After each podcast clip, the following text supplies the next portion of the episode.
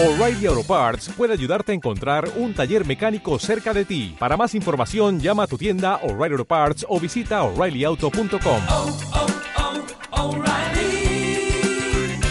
oh, Parts.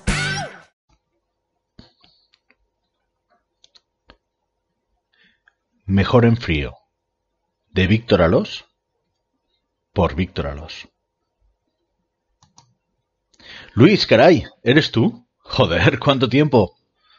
Me sorprendió el grito, y me sorprendió todavía más no poder situar ni la voz ni la cara del tipo regordete que lo había soltado. Perdone, pero ¿nos conocemos?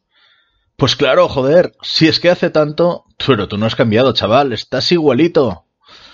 Me alegré de estar igualito, pero no tenía ni idea de a cuándo se refería. Soy yo, joder, Cosme, Cosme Martí. Ahora sí que me venía un rostro conocido a la memoria. Pero como bien había dicho él, hacía mucho, mucho tiempo. Ah, sí, claro, Cosme. Pues sí que hace años, sí. No te había conocido. Más de treinta años, oye, estás igual. Pero mírate, ¿eh? Siempre pensé que llegaría lejos y mira, con traje, en un despacho y con cargo.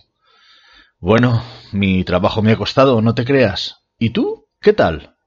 Pues por eso venía a verte. Bueno, a ti no, que no sabía que eras tú. Pero qué alegrón verte aquí. Bueno, tú dirás. Es que resulta que necesito un préstamo. Se me ha complicado un poco la cosa. Estoy algo liadillo y necesito que me echen una mano. Ya sabes, no será mucho. Unos cuantos miles mientras arreglo unas cosillas del trabajo y demás. Ya, pues me traes la documentación que te hace falta. Marqué en una hoja las líneas que debía leer y se la pasé. Me lo traes y en una semanita te digo si es posible. Me miró con cara de susto. No te preocupes, que yo mismo me encargo de revisarlo.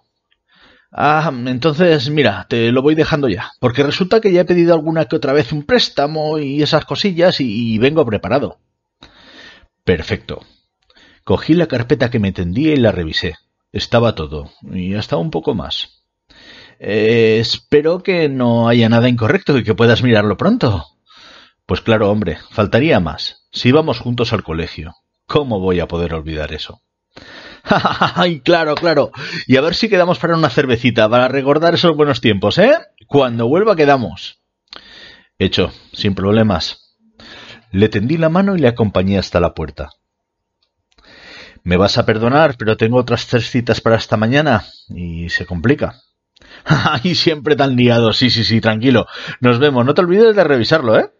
No podría, hombre, no podría. Salió de la sucursal sacando pecho y haciendo clara ostentación del saludo.